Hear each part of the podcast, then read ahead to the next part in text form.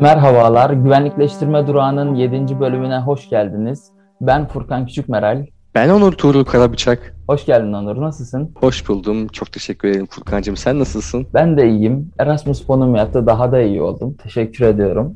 Böyle bugün güzel, daha önceki bölümlere kıyasla daha sohbet tadında, böyle monologun daha az olduğu bir bölüm çekelim dedik sizler için. Bu yönde çalışıyoruz. Bugün neleri konuşacağız şimdi? Şöyle bir sıralamak gerekirse daha böyle rahat, daha flexible, esnek bir yayın olsun istedik Onur'la. Bu yönde de feedbackler aldık. Şöyle yapacağız. Öncelikle Hobbesian, Locke, Rousseau gibi filozofların toplumsal sözleşmeleri üzerine biraz konuşacağız. Bu toplumsal sözleşmelerin günümüzdeki izlerinden ve bunun güvenlikleştirmeyle olan alakalarından bahsedeceğiz. İstersen Onur ben bu üç filozofun görüşleriyle başlayayım anlatmakla. Böyle ufak ufak böyle verelim bilgileri. Onun üstüne bir muhabbetimizi döndürelim. Ne dersin? Evet evet verelim insanlar karşısında. Zaten canlı yayından beri sen de iyice böyle bir rahatlama, böyle bir konuşkanlık, konuşurken daha bir gülümseme. Onu da seziyorum yani. Canlı yayının faydaları arkadaşlar. Evet, YouTube'da evet. açtı beni biraz. Kulübü Akademi yayınında bu arada izlemeyi unutmayın. Oldukça keyifli, oldukça sansasyonel bir yayın oldu. Evet, evet ama lütfen bizi linçlemeyin. Bu linç kültürü artık bitsin ne olur. Yeter. Bir kere bizim lütfen linçleyin. Nasıl bir şey mi? Çok merak ediyorum arkadaşlar. Ya sen iste ben linçletirim seni. Yani derdin ne olsun? Tamam lütfen. Lütfen Furkan'cığım yani. Yeni toplum sözleşmemize bunu da yazacağız. Linç bir artık norm olarak kalacak Türkiye Cumhuriyeti'nin toplumsal sözleşmesinde. Gelsin kalçı referandumu gelsin efendim. Şimdi başlıyoruz. Önce Önce Hobbes'la başlayalım istersen. Şimdi bu Hobbes'un toplumsal önerdiği toplumsal sözleşmeyi kendi bağlamıyla düşünmek gerekirse bu 14.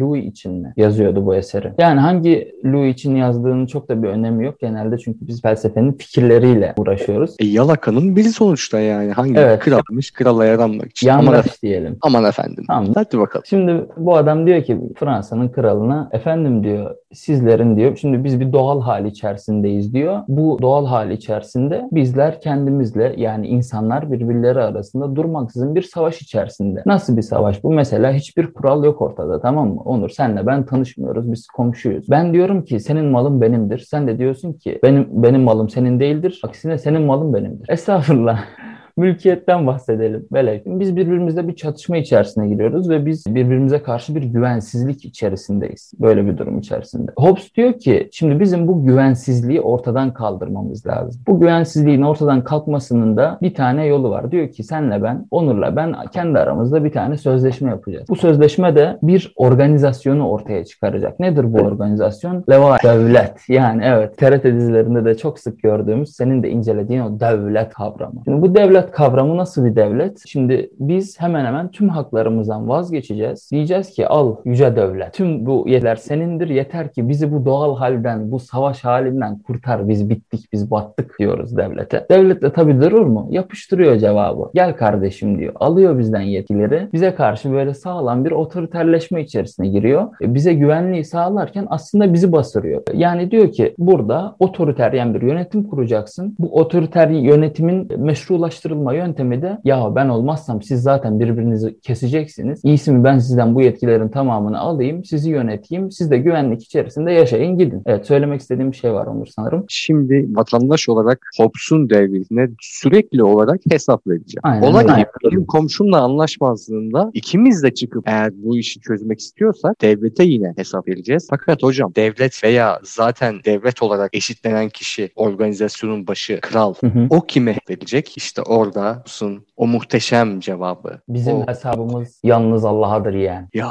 bismillah. Şimdi evet şimdi çok güzel bir yere parmak bastın. Hobbes diyor ki yani şimdi o zamanlar zaten meşruiyetini halktan alma olayı yok daha. Diyor ki sen koca kralsın. Seni yüce yaradan yollamış. Bu halk bu köylü kimdir ki senden hesap sorsun? Sen ancak hesabını Allah'a verirsin diyor.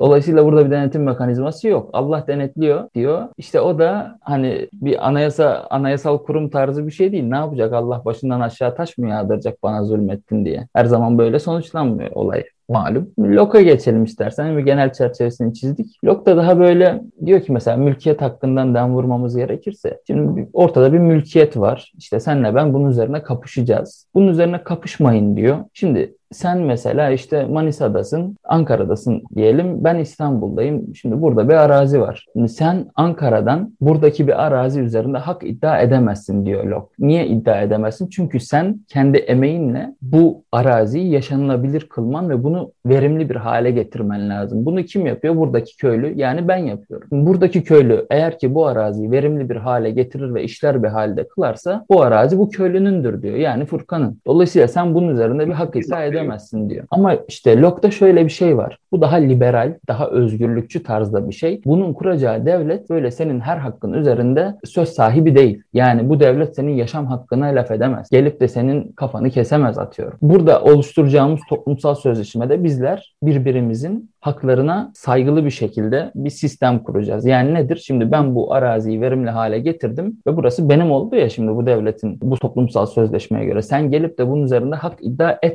etmeyeceğini ve eğer ki hak iddia edersen de senin sorumlu olacağını söylüyorum ben. Evet söylemek istediğim bir şey var mı onda? Hobbes'un bu devlet yokken birbirimizi kırıyoruz efendim devlet yokken güvenliğimizi nasıl sağlarız? Silahlanarak sağlarız, savaşarak, daha güçlü olmaya çalışarak sağlarız. Savına karşı Locke diyecek ki yani mantıklı insan, kafası çalışan insan ki kafası çalıştığı için en başta ne dedi? Biz birbirimizi doğramamak için barış yapalım. Güvenliğimi sağlamak için barış yapıyorum. Güvenliğimi sağlamak için silahlarımı indiriyorum. Ben indiriyorum silahımı, sen de indir. Bunu yaparsak Aynen. topunuzu işleriz. Hatta birbirimize ticaret daha sonra organize olur. Devleti ortaya çıkarırız ve zannediyor ki muhtemelen devlet herhalde bu şekilde ortaya çıkmıştır diyor. John Locke lütfen devam et. Aynen biz doğal halimizde iyiyiz böyle diyor. Biraz daha olumcu felsefeci malum. Hemen her liberalde de olduğu gibi.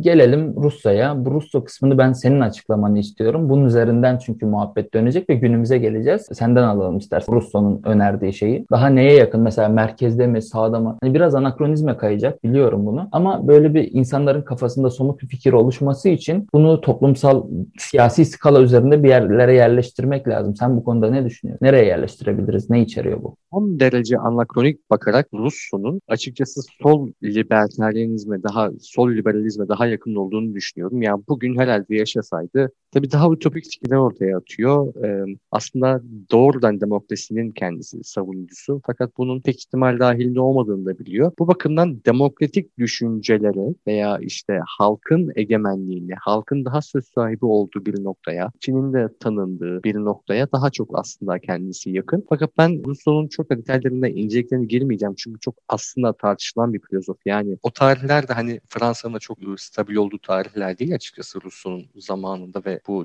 dini mezheplerin enteresan durumları var daha sonra. Fakat sonuç olarak Rousseau'nun söyledikleri e, milliyetçiliği ulus devlete aslında gitgide yorulacak ve onun kaynaklarından biri olacak. Yani özgürlük aslında milletin özgürlüğü gibi bir şey olacak. Egemenlikte millete doğru kayacak. Dedik ya doğrudan demokrasiciydi. Buyur Furkan. Ya hocam şimdi Fransa'nın tarihinde zaten böyle stabil olduğu bir dönem görmüş müyüz ki? Fransa'yı alabilir miyiz yani bu durumda bir örnek olarak? Sürekli bir karışıklık, sürekli bir isyan. Ey Fransa Fransa doğru söylüyorsun. Yani Fransa kim ya? O bizi kıskanıyor şu anda. Biz son derece biliyorsun 20 yıldır stabiliz ve bizi yanlış mıyım hocam? Haklısın. Bu buna, buna karşı bir şey diyemem. Şimdi Kim şöyle bir durum var.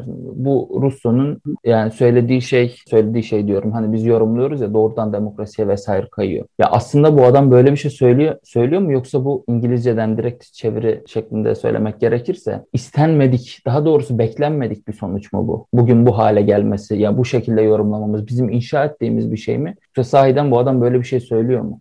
Doğrudan demokrasi deyip demediğini ben hatırlamıyorum ancak bunu biz İspan'la da tartışmıştık derste birazcık. Daha yani içerik aslında doğrudan demokrasi isterdim ama bu mümkün değil doğrultusundaydı. Yani ben burasına çok dikkat etmiştim açıkçası Rousseau'nun. E, geri kalan kısımlarında çok da böyle görmemiştim ya da o an dikkate almamıştım onu. Fakat benim oradan gitmek istediğim nokta ulus devletin yükselişi. Ulus devletle beraber bizi biz yapan değerler ortaya geliyor arkadaşlar. Yani insanlar oturup ya biz biz diye bir şey var demeye başlıyorlar. Yani şöyle düşünün yani Hobbes'un yaşadığı dönemde Hobbes Sun devletinde kalkıp bir çiftçinin, bir çiftçi ailesinin, iki üç çiftçi ailesinin bir araya gelip yahu bizim değerlerimiz var arkadaşlar demesi gibi bir durum söylüyor. Böyle bir şey düşünmüyor bile yani. Hani ya bu, bu kim oluyor ya bu bir şey bir şeyler falan filan böyle bir şey yok yani. Böyle bir düşünce mevcut değil. Biz bir şeyler yapalım demek gibi bir lüksü yok adamın. Fakat Russo ile beraber işte bu düşünce aslında yani Russo'nun önemi orada. Bu düşünce tanıtılıyor. Bu düşünceye olanak veriyor. Bu düşünceyi Russo elitlere aslında hitap ettiğinde, aşıladığında elitlerin hani halk tarafından meşruiyeti böyle daha merkezden çevreye indirerek farklı bir şey kurabileceklerini düşünüyorlar. Daha sonra işte bizi biz yapan değerler dedik ya. Gelelim oradan böyle biraz tarihsel atlamalar, sıçramalar yapalım. Toplum sözleşmelerinin insanlara ve liderlere sağladığı bu yeni pozisyonlara bizi biz yapan değerler dediğinizde bizi biz yapan değerlere karşı gelen herhangi bir göçmen grup, azınlık, dini azınlık veya çoğunluk siz dini azınlık da olabilirsiniz. Fakat nereye çekmek istiyorum birazcık da mesela Nazi Almanyası'nı. Şimdi nasyonel sosyalizm hadi söyle Furkan. Ya şimdi güzel iyi söyledin toplum sözleşmesi vesaire ama benim kafamda bir soru oluşuyor bunların en başında. Toplumsal sözleşme mümkün mü abi? Yani şimdi biz çok farklı sosyal ben, e, arka planlardan gelmiş olalım tamam mı? Ben Türkiye'nin bir her bakımdan bir azınlık grubuna dahil olayım. Sen de çoğunluğa dahilsin. Şimdi biz bir toplumsal sözleşme yapacağız ama mesela örnek veriyorum bu fikirde olduğum için değil yanlış anlaşılma olmasın. Mesela sen diyorsun ki biz bir ulus devlet olacağız. Bu ulus devlette Türklük üzerinden bir sözleşme yapacağız. Tamam mı? Ama ben diyorum ki ben kabul etmiyorum bunu arkadaşım. Nasıl olacak bu toplumsal sözleşme? Sen şimdi benim varlığımı göz ardı ederek sen çoğunluksun ya. Sen kendi çoğunluğunu dikkate alarak mı bir sözleşme yapacaksın? Ya, ya da işte Nazi Almanya'sındaki gibi düşün. Yoksa işte hani beni de dikkate alacak mısın bu süreçte? Bu toplumsal sözleşme üzerine nasıl bir konsensüs, nasıl bir ortak anlaşma zemini bulunacak? Ya da bulunabilir mi?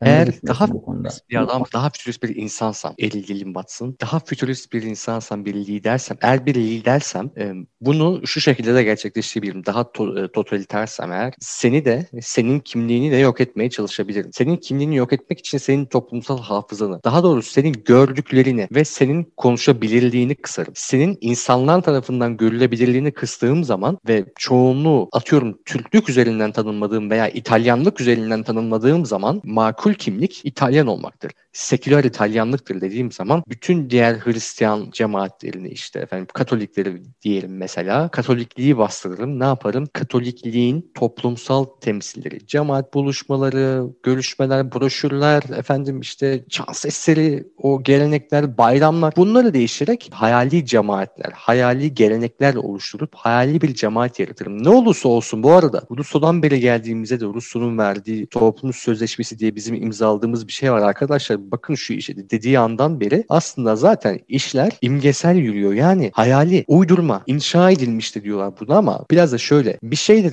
varmış gibi ve bunu verili kabul ediyoruz. Yani bunu insana provoke etmek için söylemiyorum yanlış anlaşılmasın. Çok provoke edici bir dil aslında bu. Çok rahatsız edici bir dil farkındayım. Fakat bir ulus devlet de sonuçta bir şeyin inşası, bir biz, bir bizde buluşmak ve o biz diye bir şey dediğim gibi Hobbes, Hobbes'un zamanında böyle bir şey yoktu. Çünkü böyle bir şey doğada var olan bir şey değil. Yaratılmış edilmiş, inşa edilmiş olacaklar. Tabii lütfen. Şimdi sen bu bastırma, asimile etme vesaire şeylerden bahsettin. Benim kafamda hemen böyle Hobbes'cu bir devlet oluştu. Bir de Nazi Almanyası'ndan bahsedeceksin zaten. Şimdi bu süreçte Nazi Almanyası ne yaptı? Kimi güvenlikleştirdi? Biraz da güvenlikleştirme bak bakış açısından konuşacağımız için bu bölümde bunu da değerlendirmeni istiyorum. Yani şimdi Nazi Almanyası ortaya çıktı. Birinci Dünya Savaşı'nın ortaya çıkardığı şartlar var. Ezilmiş bir halk evet. var diyelim. İkinci Dünya Savaşı'na o giderken. O şartları doğal durum gibi düşün düşün. Hı hı. Yani o şah devletin ya da işte nizamın on bir boşluk var orada ve ortaya çıkan hani topluma sunulan şey aslında hiçbir şey. Yani topluma tamamen şöyle de biraz da Kierkegaard gibi diyebiliriz. Korku ve titreme var ve insanların bir durumda hani anarşiye yakın bir durum var. Fakat hani normal anarşi değil yani yine hala güç odakları var. Onlar etrafında da bir şeyler dönüyor. Bu ortamda böyle tabii yine, yine Naziler ortaya güneş gibi de doğmuyorlar bu arada. Yani beceremiyorlar uzun bir süre iktidara gelmeyi. Fakat onların sundukları şey çok daha böyle böyle hayal hayalperest, çok daha insanlara bir biz etrafında buluşmanın getirdiği çıkarları da enjekte ediyor. Ve bunun üzerine tabii Naziler inanılmaz hayali şeyler uyduruyorlar. Ne olacak? Übermensch. Hani üstün insan, üstün Alman ırkı, efendim Aryan ırkı bu tip şeyler zaten yok. Varlığı antropolojiyle o döneme göre bilimsel olarak üretiliyor. Hani kafatasçılık muhabbetleri. O dönemin kabul gören kuralları içerisinde geçerli gözüken şeyler. Tabii ama uydura uydura bunları getiriyorlar. İnsan insanların önüne sunuyorlar ve tabii ki de paranın en çok olduğunu gördü ve zaten o zamana kadar da alışkanlık yani bir nevi alışkanlık, tarihsel bir alışkanlık bilinen bir şey. Yahudileri güvenlikleştir. Yahudileri toplumun güvenliğine, bizi biz yapan şeylere aynı zamanda bizim ekonomimize, dahi bizim Alman ulusumuzun varlığına tehdit olarak görmeye başladığında Yahudileri insanları hazırlıyor. Fakat tabii ilk başta Yahudilerin tehdit olarak görülmesi de hani böyle evet evet abi ya doğru söylüyor. Bu şekilde karşılanmıyor. Önce bir hani zaten ne alaka falan. Yavaş yavaş bir iki olayla beraber birkaç haberle beraber işte Yahudiler bilmem ne katleti işte yok şu oldu Yahudiler şuna izin vermiyorlar işte parayı alıyorlar. Çünkü daha kapalı bir cemaatler onlar. Kendi kendilerini sürdürebilen bir cemaatler. Fakat bakın Almanlar Oslar'da pek kendi kendilerini sürdürebilmiş değiller. Darbeyi Almanlar yemişler fakat Yahudiler bir şekilde daha izole kalmayı başarmışlar. En azından bu şekilde anlatılıyor. Bunun tarihsel bir gerçeklik olup olmadığını ben tartışmıyorum. Güvenlikleşme de bunu tartışmaz zaten. Bu şekilde sunuyorlar ve daha sonra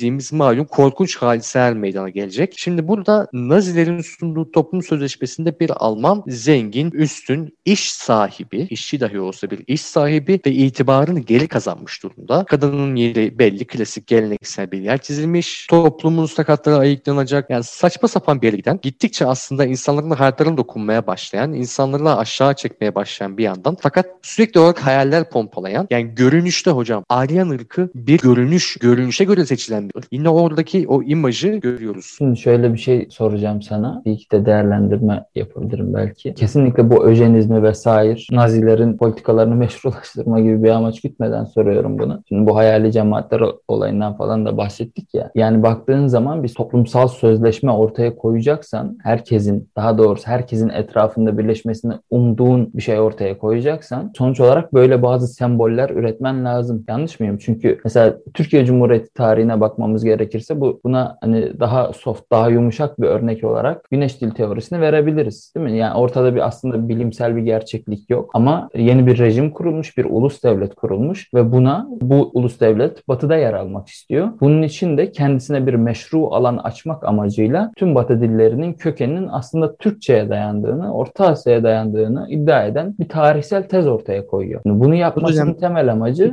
evet buyur. O dönemde yapılan çalışmalardan bir tanesi de mesela Türk ırkının hani sarı ırka değil işte beyaz ırka bu şekilde olması lazım. Ait olduğunu hı hı. atlamak için Avrupa'ya öğrenci gönderilir. Antropologa çalışmalar yaptırılır ve hı. o dönemin antropolojisinde, e, o dönemin ırk biliminde o çerçevede, o kurallar içerisinde bu kanıtlanır. Fakat zaten bu yani doğru veya yanlış saçmalık, zırvalığın doğal olmayan bir şeyin sonucu. Fakat o dönem işte modernitenin o ilk safhalarındaki o aslında doruk noktaları da oluyor aynı zamanda. O ırk üzerine, o imaj üzerine bir medeniyet kurma inşası kurulmuştur da. Buna yönelik onların yanında nasıl olabiliriz? İşte onların biliminde, onların yöntemiyle bizim de onlardan olduğumuzu, onların seviyesine ulaşmak için, onların masasında oturmak için doğuştan gelen hiçbir eksiğimizin olmadığını ispatlamaya çalışıyoruzdur. Bu bakımdan hani dönemin yani faşist olduğuna dair eleştirileri de aslında biraz da bu şekilde bakarak tartışabiliriz diyeyim. Peki Onur, istersen yavaşça bu bölümü bir toparlayalım. Bugün ne konuştuk? Bize de ufak özet geçer misin? Tabii Furkan. En son Naziler diyordum. Şimdi bugün Hobbes'tan,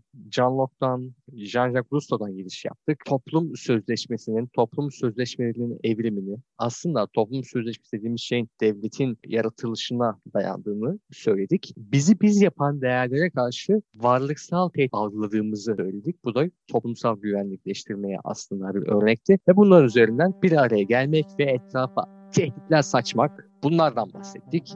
Sonra dedim ki toplumsal sözleşme mümkün müdür? Dedim ki ne bileyim. Ondan sonra da ideal vatandaş imajı ve Nazilere girerek biraz daha bu işin gerçek ve imaj arasındaki bu kopukluğunu konuştuk. Faşizmden biraz bahsettik burada modern dönemdeki 1930'lardaki ve yavaştan kapattı. Devamı 8. bölümde bu bölümün hemen akibinde yayınlanacak arkadaşlar. Biliyoruz çok merak. Ekran başından ayrılmayın. İyi dinlemeler. Teşekkürler.